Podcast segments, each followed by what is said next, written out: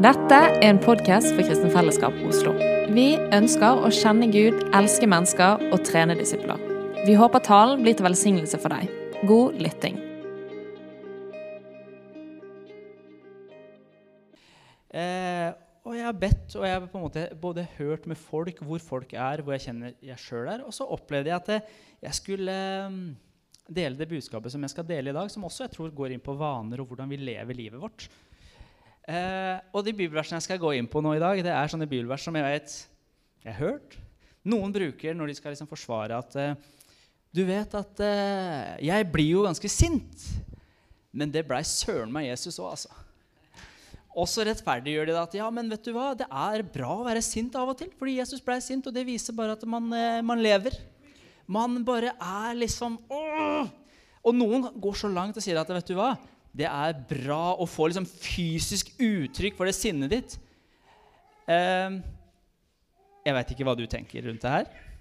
Og jeg skal ikke videre gå inn på, inn på det greiene her. Men det jeg skal dele om i dag, er Jesus som går inn i tempelet og er rimelig provosert, sint, og det får noen eh, fysiske uttrykk der inne.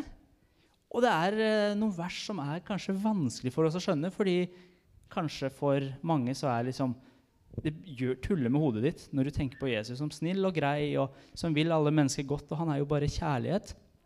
Og plutselig går han inn i tempelet og bare velter alle spor, de som står og selger der, frigjør alle sauer og duer og kyr og kaster ut folk ut ifra tempelet, der folk er for å liksom tilbe Gud. Kanskje tilbe Gud. Så jeg tenkte at det, vi skal lese gjennom de versene der, fordi de står i alle evangeliene. Og det syns jeg er fascinerende. Det var så viktig at alle de fire evangeliene inkluderer det, bare litt med ulike eh, fokus. Så jeg tenkte at vi, vi bare leser kjapt gjennom de, og så skal jeg si noe kort, bare sånn kontekst, og så skal vi prøve å gjøre det praktisk. Fordi jeg har hørt, og det liker jeg å si, at teologi som ikke er praktisk, det er dårlig teologi. Og så kan du tenke litt på den. Vi går til Matteus kapittel 21, vers 12-16 først. Du kan bruke din mobil, du kan ta opp din bibel, eller så kan du bare lytte til meg. Så gikk Jesus inn på tempelplassen og jaget ut alle dem som solgte og kjøpte der. Han veltet pengevekslernes bord og duehandlernes benker og sa til dem.: Det står skrevet, mitt hus skal kalles et bønnens hus, men dere gjør det til en røverhule. Vi går videre til Markus 11, 15-18. Da de kom inn i Jerusalem, gikk Jesus opp på tempelplassen og ga seg til å jage ut dem som solgte og kjøpte der. Han veltet pengevekslernes bord og duehandlernes benker, og han ga ingen lov til å bære noe med seg over tempelplassen. Og han lærte dem, står det ikke skrevet, mitt hus skal kalles et bønnens hus for alle folk, men dere har gjort det til en røverhule. Og så hopper vi til Lukas kapittel 19, 45-46. Så gikk Jesus inn på tempelplassen og ga seg til å jage ut den som drev handel der. Og han sa til dem, 'Det står skrevet:" 'Mitt hus skal være et bønnens hus.' Men dere har gjort det til en røverhule. Og så har du Johannes, som gjør ting ofte litt annerledes, og forklare litt mer.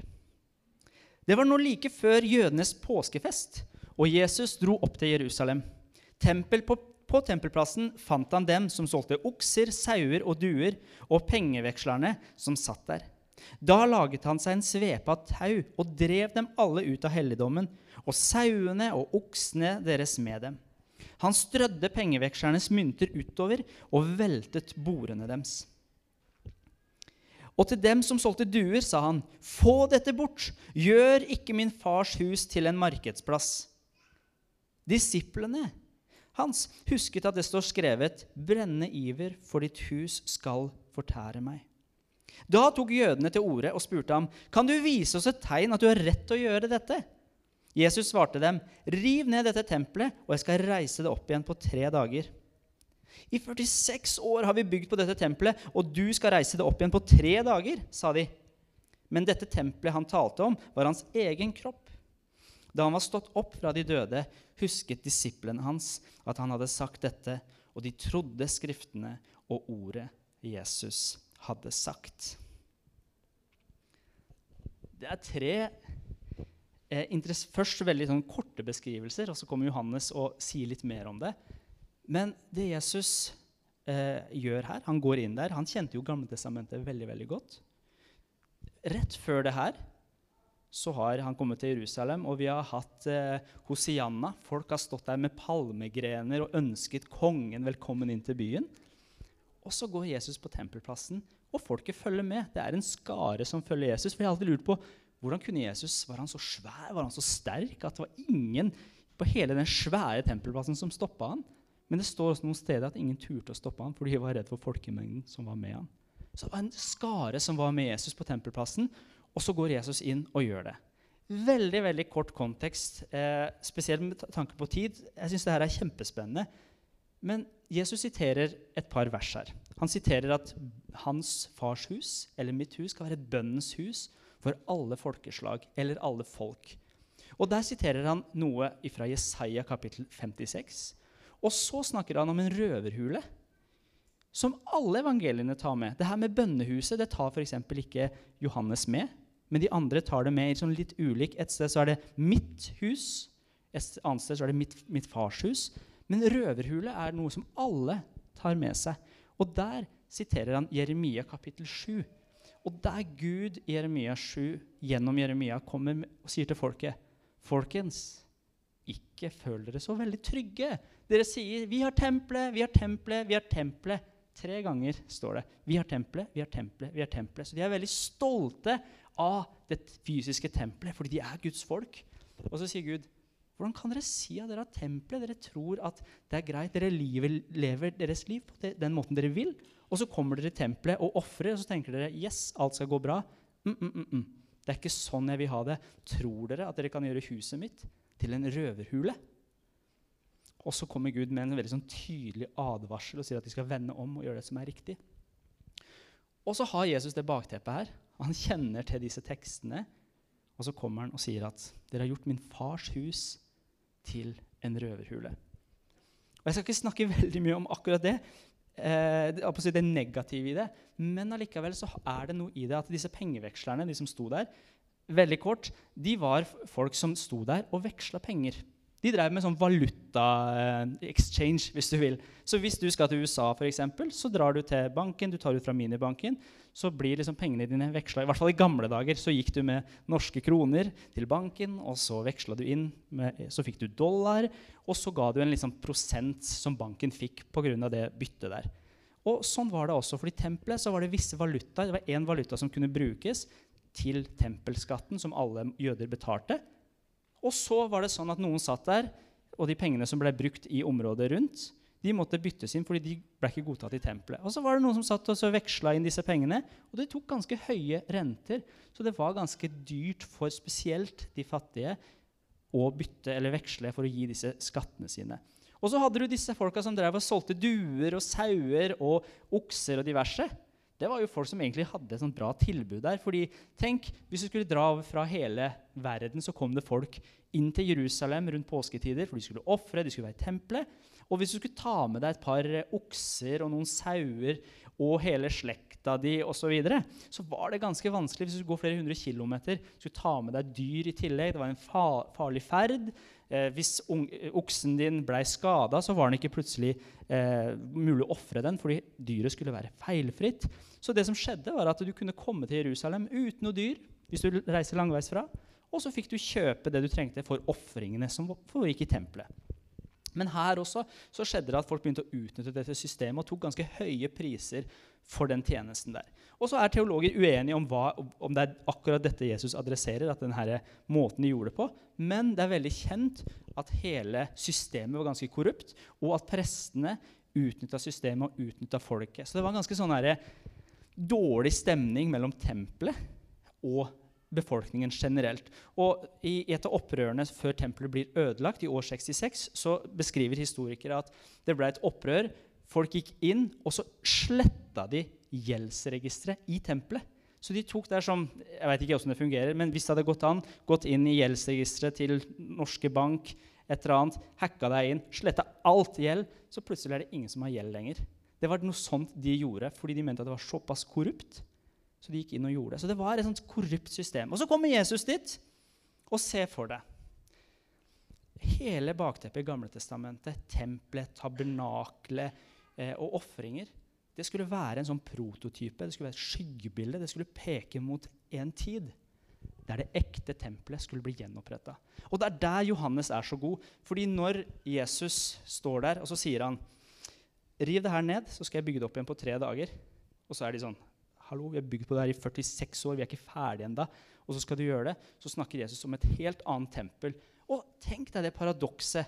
Jesus kommer inn i tempelet. Han vet at han er det ekte tempelet, det tempelet som Gud alltid har snakka om gjennom hele Gamletestamentet. Så står han i det fysiske tempelet, som bare er et skyggebilde. Og så ser han at det Gud hadde tenkt med det tempelet, det skjer ikke. Det tempelet var et sted som skulle knytte himmel og jord sammen. Og jeg syns det er sterkt at Jesus kommer, og da blir Jesus sint. Fordi han ser at det Gud hadde tenkt, at hans folk og Gud skulle få ha en relasjon, og det skulle gjøre sånn at alle mennesker på hele jorda skulle bli kjent med Gud mm -mm. Her drives det med masse tull og tøys. Folk kommer og tror at du bare ofrer, så bare får du alle syndene dine tilgitt. Og den relasjonen som skulle være der, den er borte. Den eksisterer ikke. Det gjør Jesus sint. Og så begynner han å snakke om at 'min fars hus skal være et bønnens hus for alle folkeslag'. Og her kan man eh, her er det ganske mye tror jeg man kunne gått inn på. Men jeg synes bare det er interessant når vi snakker om hele emnet bønn, så handler det om relasjonen vår til Gud. Og at Gud ønsker at tempelet skulle være et sted der folk kom og fikk snakka med Gud, fikk bedt til Gud, fikk ha en relasjon til Gud og fikk oppleve Guds nærvær fordi det var tempelet som var Guds nærvær. Det representerte Guds nærvær. Og så kommer Jesus, som bringer himmelen på jorden, og er det tempelet som går rundt og gjør ende på djevelens gjerninger. Jesus er det sanne tempelet. Jeg syns det er fascinerende. Og så, og så sier han dere har gjort det huset her til en røverhule. Dere har ødelagt hele poenget. Det er ikke sånn det fungerer. Så jeg skal rive det ned. Så skal jeg reise det opp på tre dager. Og det gjør han faktisk. Og så skjer det store. At hvis kroppen hans er tempelet, så betyr det at du og jeg er et tempel for Den hellige ånd det snakker Bibelen veldig tydelig om. Men ikke bare det. Du og jeg er kalt til å være et bønnshus for alle folk. Vi er kalt til å være et punkt der himmel og jord møtes, og der mennesker rundt oss kan få møte den levende Gud fordi vi er et bønnehus. Vi er et folk som har relasjon med den levende Gud. Og det syns jeg er ganske sterkt. Tenk at du er tempelet. Vi er tempelet der Gud ønsker å ta bolig. Og ikke bare det, han ønsker at du og jeg skal representere et sted der folk kan komme og be, snakke med Gud, bli møtt av Gud og få gi livet sitt til Gud. Jeg syns det er ganske heftig opplegg. Paulus sier i 1. Tess 5,17 så sier han, Vær alltid glade, be uavbrutt. Takk Gud under alle forhold, for dette er Guds vilje med dere i Kristus. Og jeg synes det perspektivet at Hvis du er et tempel, så er det kjempemye enklere å tenke på den måten, syns i hvert fall jeg. For du er kalt å være et bønnehus der du hele tida har en relasjon med Gud. Moder Teresa hun sier skal prøve å oversette det fra engelsk, Min hemmelighet er kjempeenkel. I bønn så blir jeg ett i kjærlighet med Jesus, og da skjønner jeg at når jeg ber, så elsker jeg ham. Fordi for, hans del, handla, for hennes del så handla det om en relasjon til Gud. Og spørsmålet mitt blir da til oss og til meg hvordan, er, hvordan står det til med oss? Og hvordan er det med, med det her med tempelfokuset? og at vi er kalt til å være et sånt tempel for forskerslagene, et bønnens hus. Disiplene det står i hvert fall aldri skrevet noe sted, spurte aldri Jesus om å lære å forkynne, lære å helbrede, lære å møte folk. Men én ting spurte de om, i hvert fall det som er skrevet i Guds ord. Lær oss å be. For de så at her var det noe. Og jeg skal ikke gå gjennom Fader vår, men det er bare interessant at han starter med Fader vår. Vår Far, du som er i himmelen. Så den relasjonen der som Gud har lengta etter alltid, gjennom hele Gamle Testamentet Jeg ønsker å være et, en Gud som bor midt imellom dere, kommer plutselig og bor i deg og i meg. Han ønsker å bo i oss for å vise verden hvem han er, at vi er levende steiner, bruker bildet, Gud bildet som i, Guds ord. Eller vi er en hellig by, vi er den byen på fjellet, vi er verdens lys. Det er mange bilder som blir brukt her, men det handler om at du er et tempel. Og det tempelet kjenner Gud og bringer hans nærvær.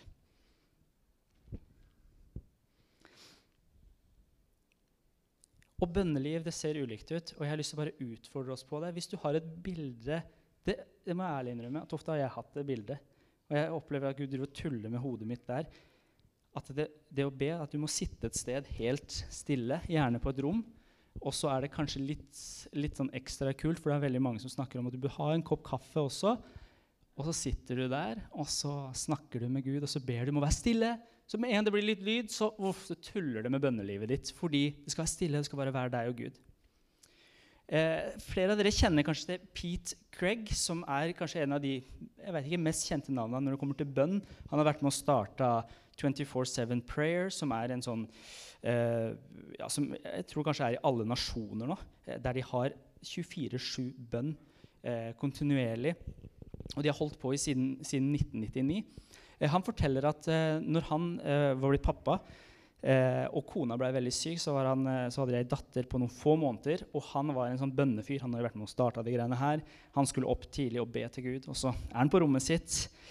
Eh, og så våkner ungen, så han tar med seg ungen på bønnerommet og skal be. Og ungen gråter og gråter, og han er liksom Hallo, nå har jeg stått opp klokka tre eller fire for å be til Gud. Gud, nå må du la ungen være stille. Og så skjer det ingenting. Ungen bare skriker. Så, så begynner han liksom, Jesu navn, vær stille. Jeg skal bare bryte alle åndsmakter som kommer og forstyrrer dette, denne stunden som jeg skal ha med Gud. Og så bæsjer ungen sånn skikkelig. Og det her er noe han opplever igjen og igjen. At det er bønnestunden. Det blir bare tulla med. Så når han sitter aleine på rommet sitt klokka tre på morgenen, så blir det bare avbrutt igjen og igjen. Og så begynner Gud å lære han ting. At bønn handler ikke om å være stille men det handler om å ha en relasjon til meg og det å møte meg og snakke til meg i alle livets faser. Så det han begynner å gjøre, og opplever Gud læreren, er at eh, når han skal skifte denne bleia her, så begynner Gud å vise han at eh, sånn som denne her eh, ungen har bæsja over hele på en måte, mot ryggen, så kom jeg og rensa bort din synd. Så begynner han å takke Jesus for at hans synd ble rensa bort for at Jesus er god. Så vasker han ungen og bare takker Gud for at Gud, takk for at du har rensa min skitt og alt elendige ved meg. Og så kler han på ungen, og så gir han en skikkelig stor klem der midt på natta morgenen og sier, 'Jeg elsker deg'. Takk, far, for at du elsker meg på tross av alt jeg gjør og måten jeg er på. Men takk for at du har valgt meg, og at du har rensa meg, og at jeg er din. Og så opplever han at bare at Gud begynner å møte han igjen og igjen i de ulike livsfasene som han er i. Det er mange her som er i barn, eh, småbarnsfasen, og som kan kjenne seg igjen i det her. At ungene er i veien. altså Nå skal jeg be, og så kommer den ungen og forstyrrer. Eller så er det andre faser du er i, som der du opplever at du blir brutt. Det er ting som skjer i livet ditt. Men ikke la det hindre deg. Du er kalt til å være et tempel, du er kalt til å være et bønnens eh, folk. Og derfor kan du snakke med Gud uansett hvordan det er. Møt Gud når du er ute og løper, når du er og løfter vekter, når du eh, snakker med folk, når du drikker kaffe, når du er stille, når det er ting som skjer.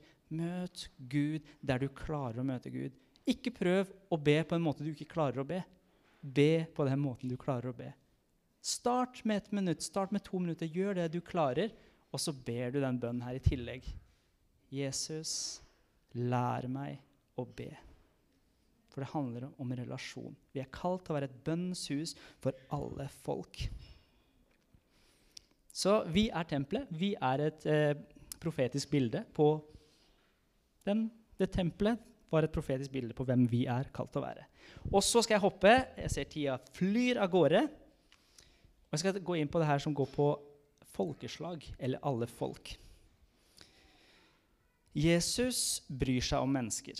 Det var derfor han ble sint i tempelet, for det, ble noe tull der mellom relasjonen til Gud og mennesker. Derfor ble, reagerer Jesus. Hei. Hei, Elina. Jesus bryr seg om alle folk. Og derfor er hans hus, hans eh, møtepunkt, altså møtepunkt mellom himmel og jord, er forbeholdt alle mennesker. Uansett. Han har en kjærlighet til alle folk. Og jeg har lyst til å snakke inn imot det, fordi Jesus gir oss misjonsbefalingen og alt det der. Men vårt liv i bønn, samtalen med Jesus, og hjertet for mennesker de henger utrolig godt sammen. Og jeg har lyst til å utfordre oss, ikke for å liksom skape dårlig stemning, men sjekk hjertet ditt. Er vi, er vi glad i folk, og ønsker vi å se de frelst? Er det noe vi er lidenskapelig opptatt av, eller er vi ikke det? Vær ærlig med deg sjøl. Ikke tenk at ja, jeg er jo det, og så går vi videre. Fordi sånn kan i hvert fall jeg tenke. Men er jeg det? For det vil påvirke for det blir påvirka av den relasjonen du har til Gud. Johannes sier at det er umulig å elske sin bror eller et menneske som du har sett. Eh, det er umulig å elske Gud som du ikke har sett, hvis du sier at du ikke liker din bror eller hater din bror eller ikke klarer å elske din bror. Så det starter et sted. Din relasjon til mennesker handler veldig mye også om hvordan relasjonen din til mennesker er.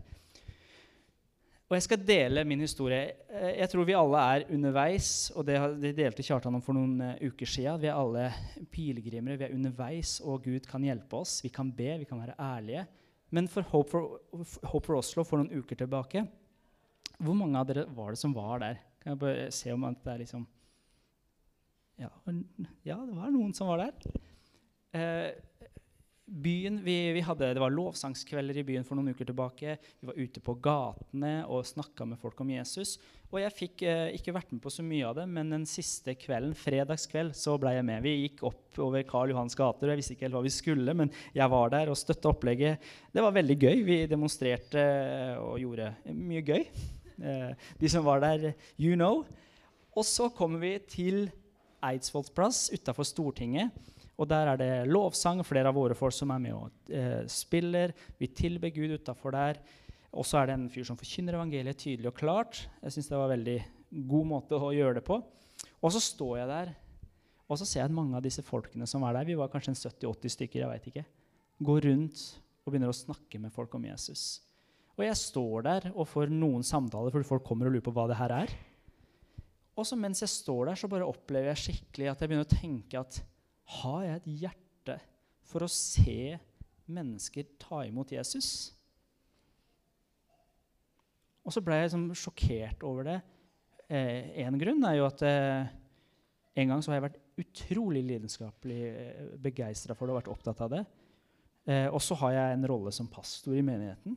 Jeg er jo pastor tross alt. Jeg må jo se mennesker frelst. Det er jo en del av det jeg gjør. Og så kjente jeg, vet du hva? Ja, det har vært kult å se folk frelst, men det er ikke det jeg går og tenker på veldig mye. Og jeg, jeg ville kanskje heller liksom tenke ja, det er fint å reise hjem snart. Og det slo meg. Og så kom det en annen tanke. Bare bryr jeg meg om byen min? Oslo. Jeg bor i Oslo og sier at jeg er hjerte for byen. Men har jeg egentlig det? Og jeg blei litt flau der jeg sto, og så tenkte jeg sånn, ok, hva gjør jeg nå? Nå kan jeg bare grave meg ned og tenke det her er for en idiot. Jeg er som er sånn. Jeg kunne bare tenkt nei, det her er for noen andre. Men så opplevde jeg at jeg fikk nåde til å bare Gud, gi meg et hjerte for folk, og gi meg et hjerte for byen min. Jeg har ikke, jeg har ikke kommet dit. Det er noen uker sia. Men jeg opplever virkelig at det er en bønn som jeg sier til Gud hver dag nå, og jeg opplever at Gud driver og gjør ting i hjertet mitt. De siste ukene så har jeg fått snakka med veldig mange om Jesus. Og det er lenge siden jeg har gjort det på den måten der. Og jeg har syntes det har vært kjekt. Det har ikke vært tvang. Det har vært lett. Og så veit jeg at det er Gud som har leda meg. Og det er fantastisk at vi kan be om sånne ting. For han kjenner deg uansett, så vi trenger ikke å fake det. Så jeg tenkte vi skulle gjøre en øvelse, bare for å ta tempen her. Jeg har lagd en sånn Menti uh, som, sånn undersøkelse. Du kan ta opp din mobil hvis du går inn på menti.com. så går du inn på eh, Så er det noen eh, tall oppi der. 1795, 34, 62. Når var sist gang du snakket om Jesus? Det var en lang setning. Når var sist gang du snakket om Jesus med noen som ikke har en relasjon til ham?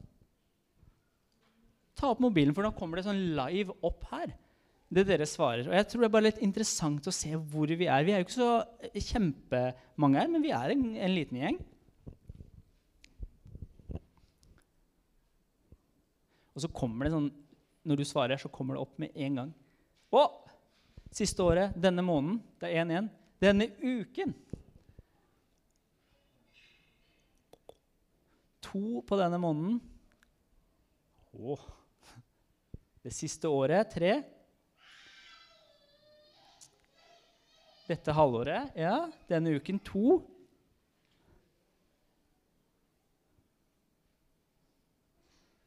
Denne måneden var fem. Gir det noen sekunder til.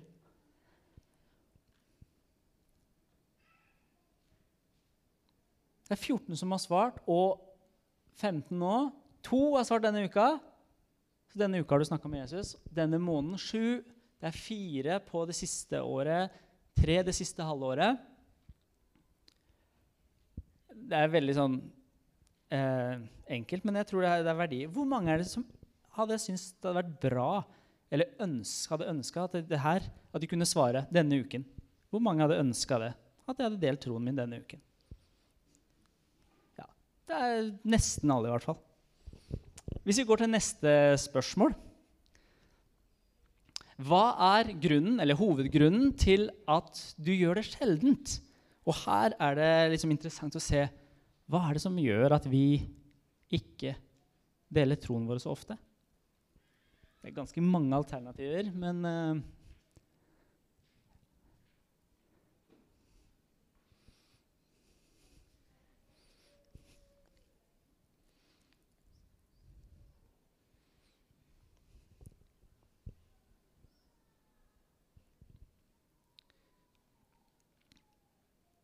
Her er det ulike alternativer. Man er usikker på hva man skal si. Tror ikke folk er interessert i å høre. Redd for ryktet mitt. Eh, det er noen dårlige erfaringer med å dele. Omgås nesten bare kristne. Det er den som leder, faktisk. Er bare for, trav, er for travel til å dele det ofte. Altså, det er fem av 14 som har svart på at de er usikre på hva jeg skal si eller svare på en annen, ja, delt annen plass er det 'tror ikke folk er interessert i å høre', eller 'omgås nesten bare kristne'. Det er interessant det er ingen som har dårlige erfaringer med å dele troen. Eller, ja, det er i hvert fall ikke hovedgrunnen.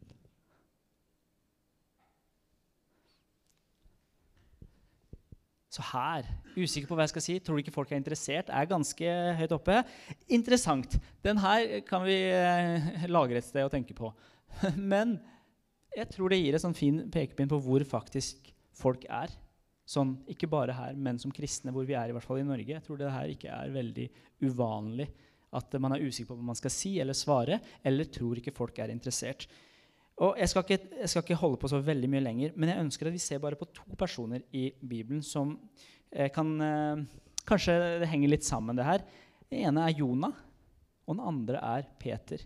Jonah blir kalt i byen Jaffa og så sier Gud, 'Gå til Nineve.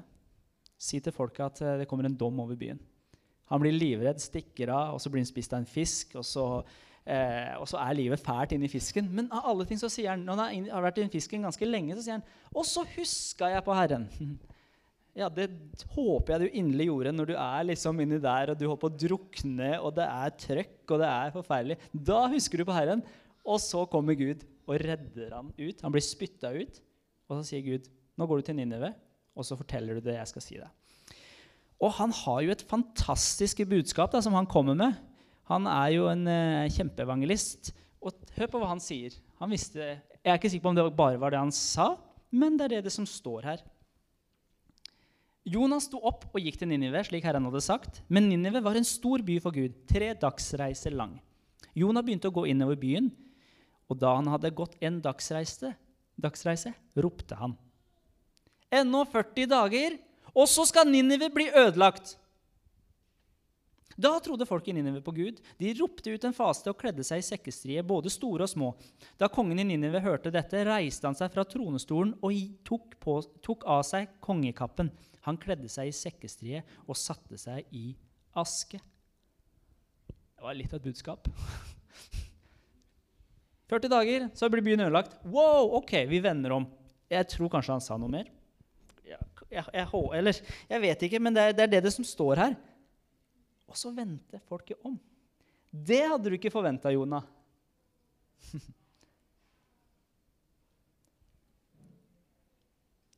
og så vender folket om, hele gjengen. Gud sparer byen, og så er Jonah bare sur. Og så hopper vi til en annen fortelling en del seinere. Peter er i samme by, han er i Jaffa. Han er på, på taket og ber til Gud. Og så blir han sulten. Og når han er sulten, så kommer det ned et sånt teppe. Han får et syn der han ser at dyr kommer på, teppe, på alle mulige dyr kommer ned på teppet. Og så sier Gud eller den stemmen 'slakt og spis'. Det her skjer tre ganger. Han skjønner ingenting og går og tenker. Så kommer det plutselig noen og banker på døra og roper inn at 'vi trenger Peter, er han her?' liksom? Og så sier Den hellige ånd til han, 'Peter, ikke still noen spørsmål. Følg de folka her. Det er jeg som har sendt dem.' Peter har ikke peiling på helt hva som skjer, men han drar faktisk med disse gutta dagen etter kommer inn til en fyr som heter Kornelius, og han har søren meg samla hele slekta og alle venner, og det huset er stappa fullt av folk. Og Peter veit liksom jeg, Gjør jeg noe skikkelig shady nå? Jeg skal ikke henge med disse folka. De er jo ikke jøder. Men han går, han går inn der fordi Helligånden har sagt. Og så begynner han å fortelle om Jesus. Og før han har blitt ferdig med den flotte talen hans som han ikke har forberedt, så kommer Den hellige ånd og bare døper alle i sin ånd og så blir hele gjengen døpt. Og så kommer evangeliet ut til hedningene. Det hadde du ikke trodd, Peter. Og det er det som er poenget mitt. Jeg husker når jeg tok imot Jesus, så har jeg en kompis som var kristen. Og når jeg tok imot Jesus, spurte jeg han, hvorfor i all verden fortalte du meg aldri om Jesus. Og så sa han jeg trodde ikke du var interessert i å høre. Jeg trodde, ikke, jeg trodde det kunne ødelegge vennskapet vårt. Og jeg husker jeg var ganske sånn irritert på han. Og jeg tror det kan gjelde oss også. Kanskje sitter du her og tenker om de folka som du omgås som ikke er kristne. De er ikke interessert. De vil ikke ta imot. Eller jeg har prøvd før.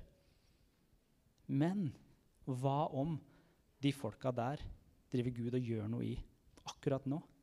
Den siste tida du ikke har snakka med dem, eller siste tida du har snakka med dem, men det har bare vært ting som du ikke har sett.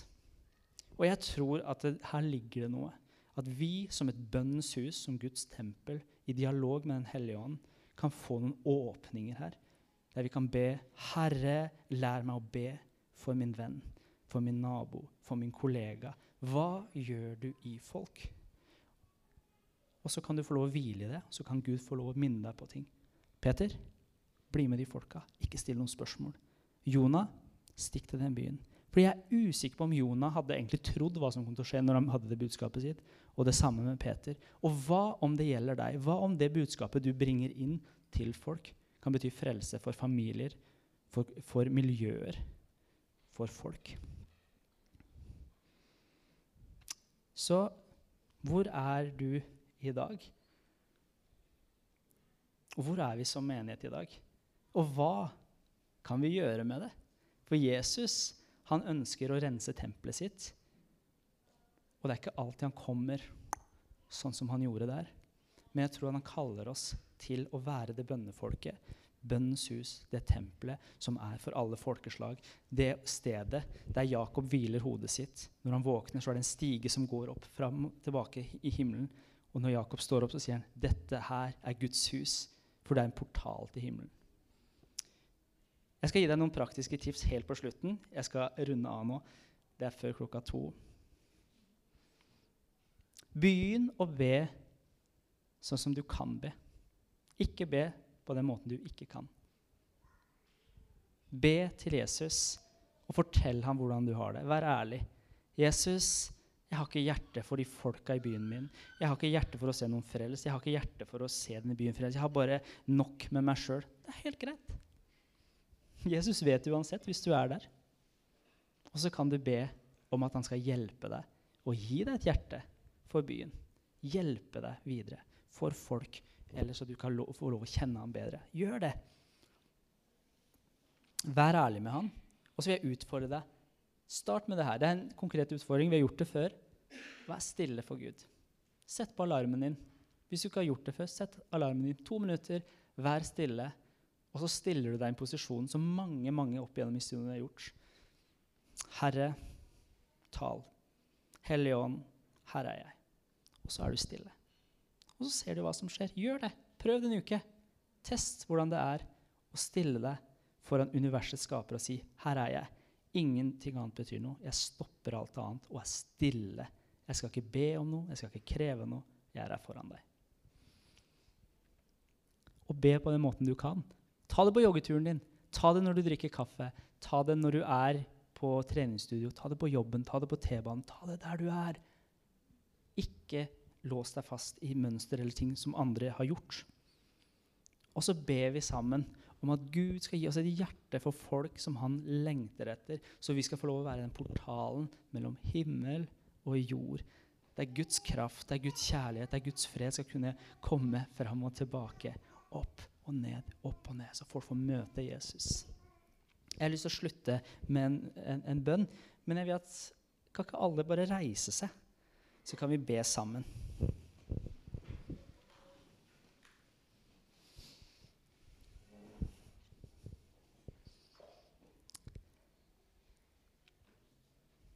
Jesus, Herre, vi er ditt tempel, og du har, eh, du har en brennende iver for ditt tempel. Herre, jeg ber om at du skal komme og møte oss. Jeg ber om at du skal komme og rense oss, Herre. Vi vet at vi ikke alltid kommer eh, og gjør det du vil. Men Herre, hjelp oss til å ville gjøre din vilje. La oss være det tempelet, la oss være det bønnens hus, så alle folkeslag eller alle folk skal kunne komme til for å få møte deg, Jesus. Herre, jeg ber om at du skal knuse hjertene våre, så vi får et hjerte som deg, som bryr seg om folks frelse, som bryr seg om byens eh, eh, framgang, Jesus. Og Herre, hvis det er ting som hindrer oss i å se deg, hvis det er ting som gjør at vi, ikke, at vi sover eller driver og gjør våre egne ting, så ber jeg om at du skal vekke oss, Herre. La oss være en menighet som du kan komme til og glede deg over. Så du kan komme til og la din herlighet bo i. Og la oss som folk bry oss om din sak, Jesus. Takk for at du hørte på denne talen. Vil du vite mer om hvem vi er, kan du gå inn på kfoslo.no, eller følge oss på Instagram og Facebook. Vi høres!